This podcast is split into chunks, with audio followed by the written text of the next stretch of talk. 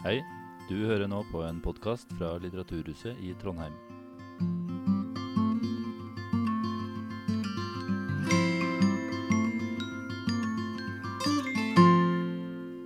Hei, hei.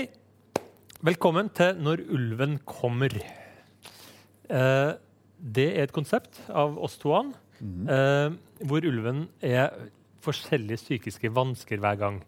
Når, når angsten kommer, når, når eh, depresjon det kan også være redselen eller eh, nedstemtheten. ikke sant? Eh, så det vi ønsker, er å snakke litt om de her psykiske fenomenene vi alle opplever. Mm. og så ønsker vi å komme med noen sånne tips og råd til folk som kanskje ikke går til psykologen eller, eller er der, men som, som kanskje har litt, eh, litt eh, traurig, og så kan de eh, eh, få noen verktøy de kan jobbe med Mm. hjemme sjøl. Vi mener jo det at alle skal ikke gå til psykolog. Nei. Men vi to er jo psykologer. Vi er psykologer. Så nå er jo du som ser på, du er jo på en måte til psykologen. Eller får dobbel dose, da. Ja. Ja. Dobbel, Dobbel dobbel psykolog. Ja. Uh, I dag skal vi snakke om trygghet og selvaktualisering. Ja. Uh, og da er det mange som kjenner denne Maslows uh, pyramide, Mhm. hvor uh, selvaktualiseringa er øverst. Uh, og så er det liksom det primære behovene som er lenger ned i, eh, i eh, eh, pyramiden. Ja. Noen som sier det at nederst i Marshalls pyramide så er det wifi. Internettilgang. Som er Og nå har vi mista mange som ikke vet hva Maslows pyramide er. Men det er jo at det først så tenker man at du må på en måte dekke søvn, mat, kanskje sex. Jeg vet ikke. og så blir det mer og mer sånne skal vi si, avanserte behov. Og på toppen er på en måte finne seg sjæl. Ja. Ja. Mm. Og så må du ha, må du ha dekt de grunnleggende behovene før man går over på de neste. ikke sant? Og, det, og nederst så har du søvn, mat, sånne type ting. Ja. Og så blir det liksom mer og mer avansert. da. Det mener i hvert fall noen. Uh, men det er ikke alle som er enig i det, bare så det er sagt. Uh, men uh, i hvert fall i Vesten, i Trøndelag, så er det ofte slik at eh, folk først begynner å tenke på meningen med livet når de kommer i en viss alder. Og det er klart at Hvis du ikke har mat, og hvis du er redd for å bli slått av pappa hver eneste dag, eh, så, så vil jo det hemme også utviklinga di. Mm. For da er du så redd at du ikke klarer å konsentrere deg om skolen. Du, du klarer ikke å være kreativ. Den type Mm. ting som, som, som det der. Er liksom- Så du må ha, du må ha dekt det grunnleggende før du kan selvaktualisere deg ikke sant? Mm. og, og uh, finne deg sjæl på Mm. toppen av pyramiden. Mm. Uh, det var det. Men trygghet, da? Mm. For trygghet er noe, et ord som vi alle kjenner, Ja. vil jeg tro. Men, kanskje, men jeg mistenker at hvis vi går rundt og spør masse folk hva er trygghet, så vil, vi få veldig mange forskjellige svar. Ja. Og det samme også, for det også, I psykologien så skiller vi ofte mellom f.eks. det vi kaller for mestringstro. mm -hmm. uh, og selvtillit, for eksempel, som mange vet om. Selvtillit er jo at du, du er trygg på at du kan få til ting. F.eks. flink til å spille fotball.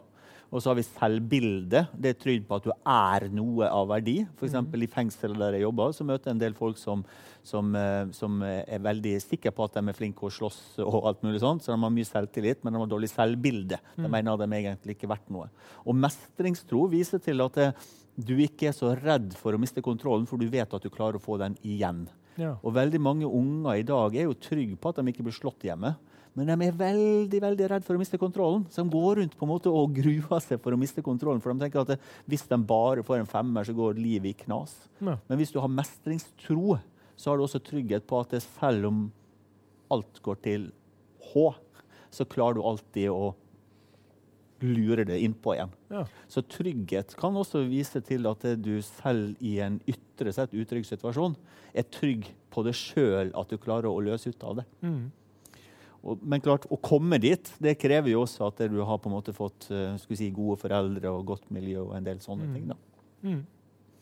Jeg gjetter, Hadde vi gått på gata og så spurt folk Jeg prøver å tenke på hva er det de ville ha sagt. Mm. Jeg tror Noen ville ha sagt at trygghet Nei, det er trygghet for meg er når jeg er sammen med partneren min Mm. og som og, holder meg, på en måte, Mm. og, og er god med meg. Ja.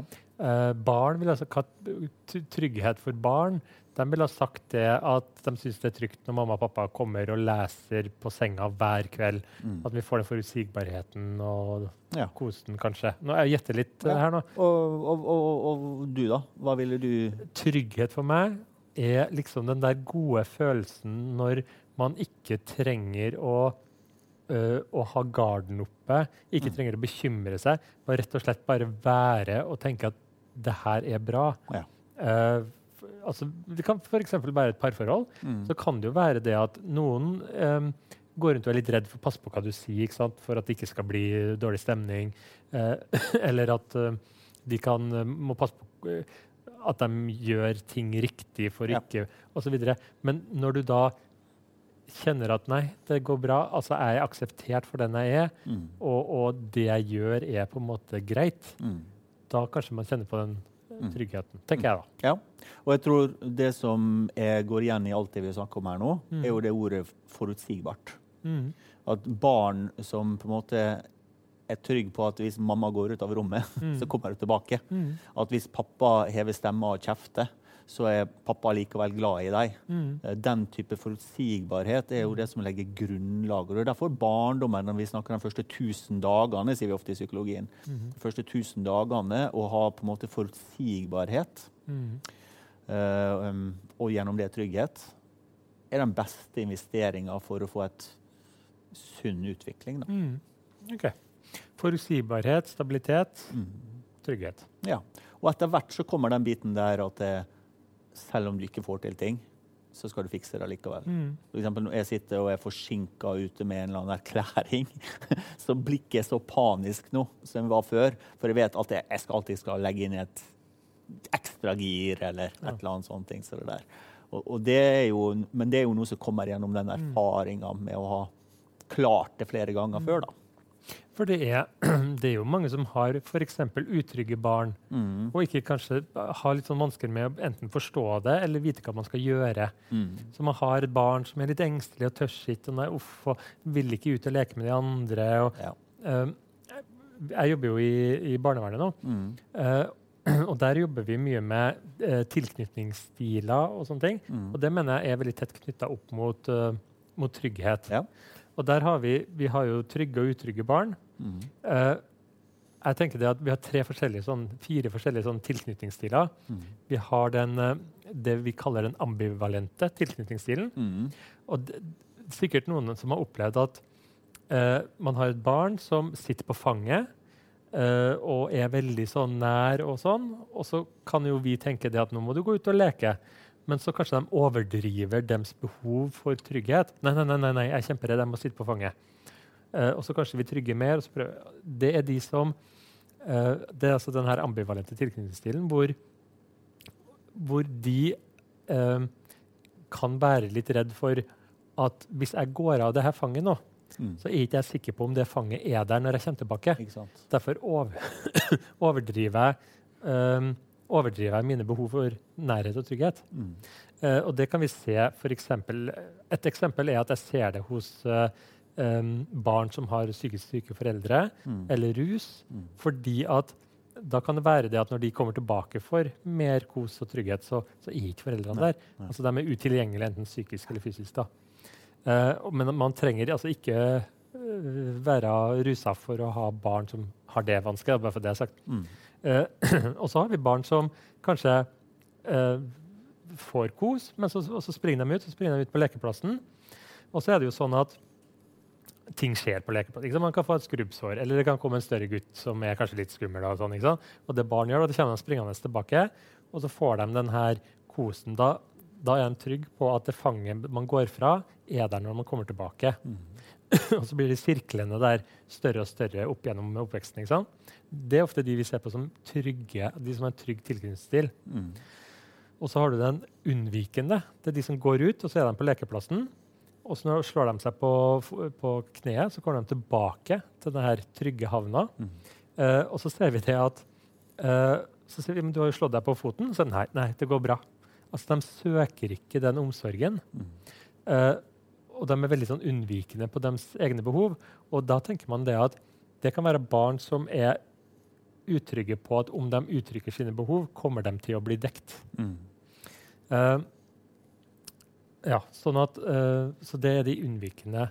Eh, og da, da handler det om kanskje det er voksne som syns det er ubehagelig.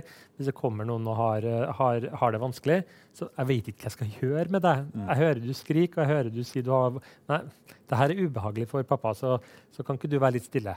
Hvis vi, hvis vi gjør det mange ganger, så vil de ikke vil de stoppe å komme. Mm. Og da kan de utvikle en unnvikende tilknytningsstil. Mm. Og den siste, vet du hva? det er? Mm. Om jeg vet hva det er? Ja.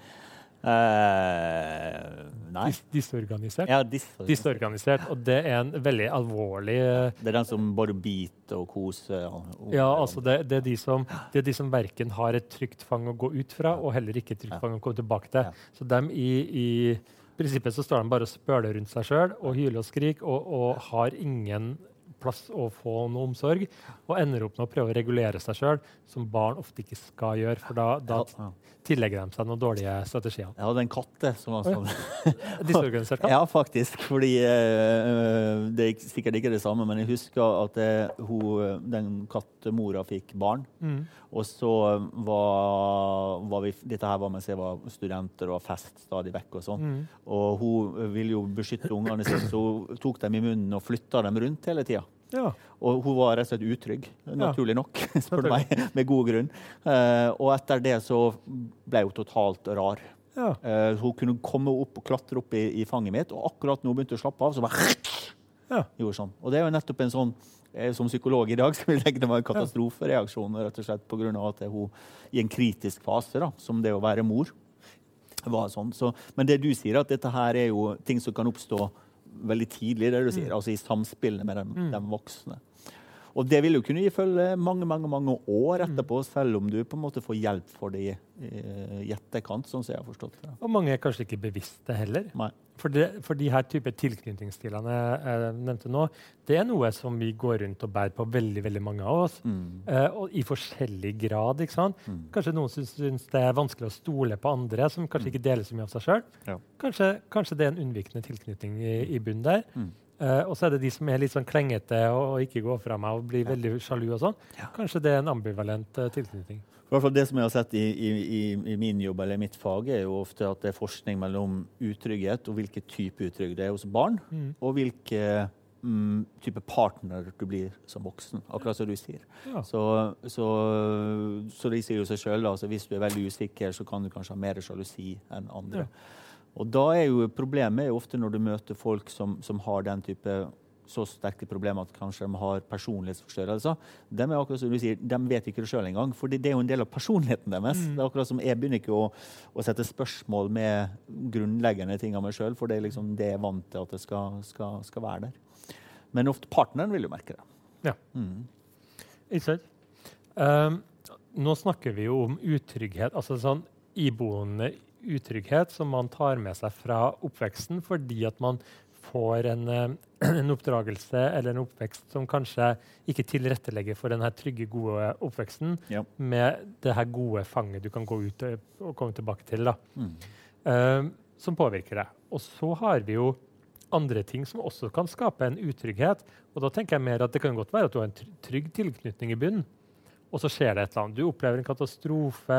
Eh, det kan være at noen du stolte på, plutselig stakk deg i ryggen. ikke sant? Mm. Som gjør at du mister sånn trua på folk. Og plutselig så, så kan det være det at man blir såra av én, og så begynner man å se på alle som potensielle Mm. eh, løgnere eller svikere. ikke sant? Mm. Um, så det, det, kan, det kan være komme fra Utrygghet kan man, kan man få fra barndomsben av, men det kan også skje i voksen alder. Helt klart. Og det klassiske der er jo gjennom katastrofe. Um, hvis du, eksempel, hvis et barn eller en voksen blir voldtatt, så vil det på en måte splintre hele verden din. Mm. F.eks. Eh, små barn som blir voldtatt av sin far. Vil jo, han vil jo kanskje si dette her, nå er, du, nå er du snill, mens hun føler seg ekkel. Han vil si dette her er godt, og hun vil ha det fryktelig vondt. Mm. Uh, og det vil være slemme pappa. Så plutselig når han er ferdig, så er han tilbake til snille pappa. Slik at, og det kan være også, Husk at de fleste voldtekter skjer jo av folk du kjenner, altså som voksen. Mm. Slik at der du på en måte splintrer verden, så vil jo en mer sånn grunnleggende Mm. Utrygghet komme. Mm. Altså, det er tilsvarende Hvis du hadde stått og sett på meg her nå, så plutselig hadde jeg blitt en rød kanin som hadde snakka, så ville du jo tenkt shit, det der skjedde jo ikke. Ja. Eh, Slik at du får en generell usikkerhet på hva som er, som, som, som, som er eh, virkelig. da. Mm. Og det, det, det, jo, det kan jo også gi store problemer, men det blir faktisk lettere å reparere da, på mange måter um, enn hvis det skjer over flere år Mm. I en eh, far, Mm. Kan, en, litt, en, liten sånn digresjon, så jeg kom på tenk når du sa det her nå. Mm. Fordi at jeg har jo jobba en del med enslige mindreårige flyktninger. Ja, ja. Og de her flyktningene kommer jo fra mange forskjellige land. ikke sant? Eh, og så slår det meg at eh, jeg jobba med en fra Somalia, Mm. og så en eh, syrisk gutt. da. Mm. Eh, og så Begge to veldig sånn traumatisert, veldig utrygge, begge to. Ja. Eh, noe, altså En utrygghet som kanskje de ligna hverandre litt i utryggheten. Mm. Men det, det var en veldig forskjellig tilnærming jeg måtte gjøre terapeutisk på de her to. For det som skjedde var jo det at i, i Somalia så har det jo egentlig vært krig siden 70-tallet. Mm. Sånn at han gutten her da, som var i tenårene, han har jo aldri opplevd noe annet enn krig. han. Nei. Og det har alltid vært den her bombetrusselen og eh, trusselen om plutselig sånn kidnappinger og sånne ting. Ja. Så han, han har alltid vært utrygg. Mens i Syria så har du eh, et sånn relativt velfungerende samfunn. Ja. Det var skolesystem, det var, var helsetjenester osv. Ja. Og så kom krigen, noe som gjorde at han plutselig så fikk han den der utryggheten. ikke sant? Ja.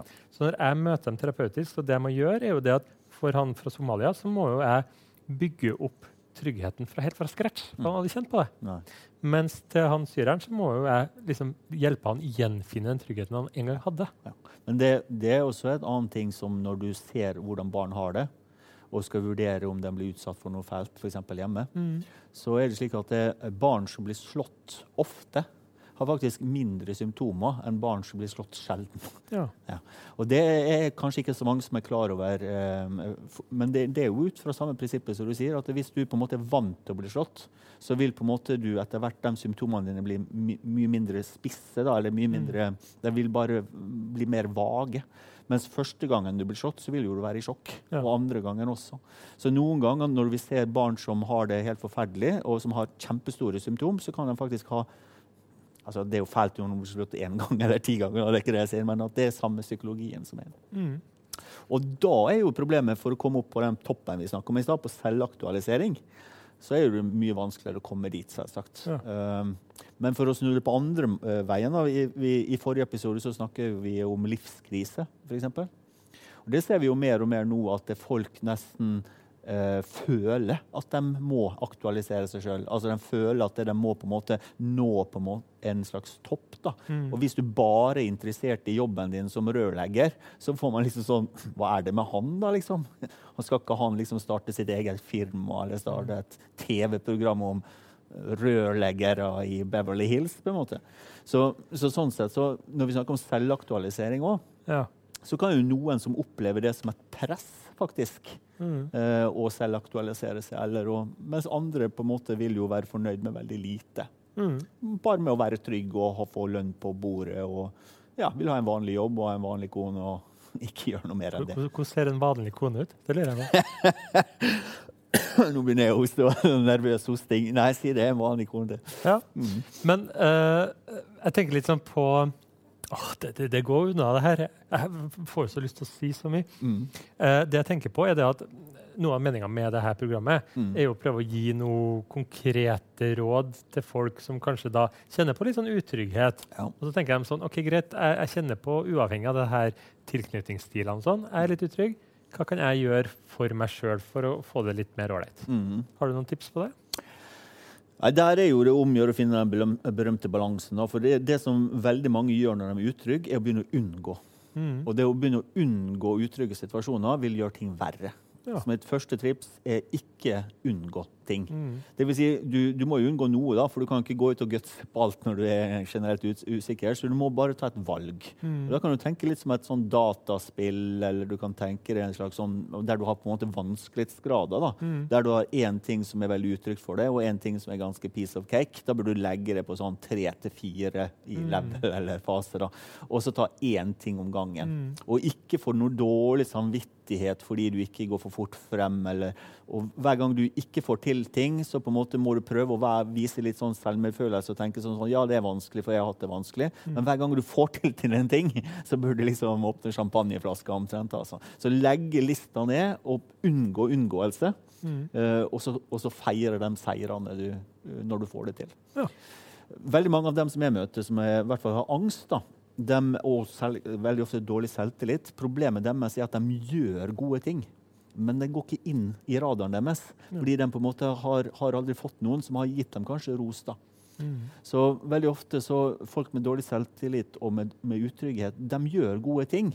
Men de tar ikke æren for det. på en måte. Nei. Så noen ganger så må de bare lære seg å tenke der gjorde du noe bra. Og så vil de ofte si i hvert fall i terapi nei, det var bare tilfeldig. Nei, det var det ikke! Det var du som var bra. Ja. Mens hvis det skjer noe negativt, så er det bare på en måte, ja, det jeg visste. Mm. Så man bør være litt mer obs på hvordan man reagerer, og kanskje ser man det at det, man har en slags negativitetsradar. da. Eller et filter i hodet som gjør at det positive ting rett og ikke kommer inn. Så du kan enten gjøre alt, alt det der Svein sa, alle de ordene eller Kan bare ta rødvin. Det går fint. Ja, riktig. Nei, ikke gjør det. ikke gjør det. Det kan, være, det kan være greit å kanskje gjøre begge deler. Ja. Er det lov? Ja, Et, okay. et, en ett glass er greit, da. Okay. Men eh, problemet er hvis det er at du etter ett eh, føler at du blir rolig, og så kjører du da tenker jeg dobla dosen, og så Og så doble dosen, og da tør du i hvert fall å utfordre deg. og så er det i gang. Ja. OK, jeg, tar tilbake. Ikke, ikke noe rødvin. Beklager. De fleste mener jo at de kjører bedre bil etter tre pils, men de gjør det ikke. Ja. oh, nei, okay. Vi får nå se på det. uh, det her var spennende, det her. Um, vi har fort og gæli gått hjem. Er det noe siste Du er jo så glad i å lese bøker. Mm. Har du noen, har du noen eh, bøker eller noe sånt, som folk som kunne liksom, ha tipsa folk om? Hvis de har lyst til å Så er jeg jo så gammel at det, min, det som jeg leste på studiet, er jo på en måte fryktelig gammelt. Men det er en bok tilbake fra 1973 som heter faktisk 'Lært hjelpeløshet'. Og det viser, eh, Den går gjennom veldig mange eh, eksperimenter som viser disse tingene her. da. Blant annet at eh, hvis du tar eh, rotte, hold deg fast, altså, og så kaster opp i en vanntank, så tar det vanligvis en time før de dør. De, før de drukner. Ja. Men hvis du tar opp en, dropp, en rotte, og så holder den til den slutter å sprelle, Ja. og så kaster de opp en vanntønne, så dør de etter tolv minutter. Ja. Og det er sannsynligvis fordi de har lært at det ikke er vits i å kjempe. Det høres ut som det er en stund siden du studerte, ja. Det, Mhm. det gjør det, ja. Jeg tror ikke det har gått gjennom eh, etisk komité i dag. Men den boka er full av masse sånne eksempler Ja. som gjør at det er, på en måte blir litt lettere å forstå disse her begrepene. her. Og så er det det begrepet da, lært hjelpeløshet, som nettopp viser til at det hjelpeløshet ikke bare nødvendigvis er en medfødt ting, men også et resultat av et miljø. Og da er det egentlig bare å gjøre det motsatte av alle disse eksperimentene der. da. Så, så, så blir du en god både foreldre og, og, og partner, for å si det sånn. Ja. Um, å være foreldre, det er fuckings vanskelig, bare så det er sagt. Jeg, hø- jeg hører dere si det. For meg det høres dritlett ut. Gi dem mat Ja. og en gang iblant, Ja. så det blir bra, det. Ikke sant? Men forutsigbarhet, det er på en måte det viktigste du kan gjøre egentlig med å få barn. Altså være forutsigbar. Ikke som foreldre at det, du, det er derfor barn blir så stressa når du drikker, for da forandrer du litt stilen. blir litt mer sånn, og det er stressa barn. Så prøv å være stabil og forutsigbar. så vil det gi stort sett trygge barn. Ja, ikke sant. Bra. Da går vi mot slutten her. Um, vi, vi, det er fjerde episoden her, og vi peiser på videre. Vi syns det er kjempeartig å holde på. Ja, vi må ha flere tema. Vi må ha flere tema. Hvis, dere har, eh, hvis dere har temaer dere ønsker at vi skal snakke om, så er det faktisk mulighet for det. Dere kan gå inn på Facebook-sida vår og, og skrive inn der. Så svarer jeg det. Svein kommer ikke til å svare, for at han er ikke der. Men jeg har en tilståelse, Svein, helt på tampen. Nei. Vet du hva jeg har gjort, eller? Inne på Facebook-sida vår. Fordi at du har det med Du jobber jo i fengsel med de verstingene.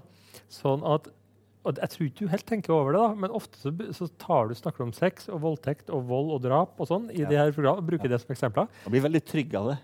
Jeg har, gjort det til en, jeg har bedt folk om å gjøre det til en drikkelek. Så hver gang de ser det her showet, og hver gang du snakker om det her, så må de, så må de drikke. Ja. Sånn at, eh, og jeg kommer nok mest sannsynlig til å skrive masse flere ting bak ryggen til til Svein på Facebook, så der kan dere følge med. Vi har også en podkast når ulven kommer. Der legger vi ut lyden eh, som dere hører på, på, på de her showene. Så dere slipper å se oss. Dere kan bare høre oss hvis dere vil. Mm. Eh, det finner dere på når ulven kommer. Og så er nå vi tilbake vi er her på Trønder-TV eh, senere. Vi er veldig glad i Trønder-TV. Det blir kjempebra. Vi gleder oss. Og så snakkes vi. Greit. Fint. Ha det bra.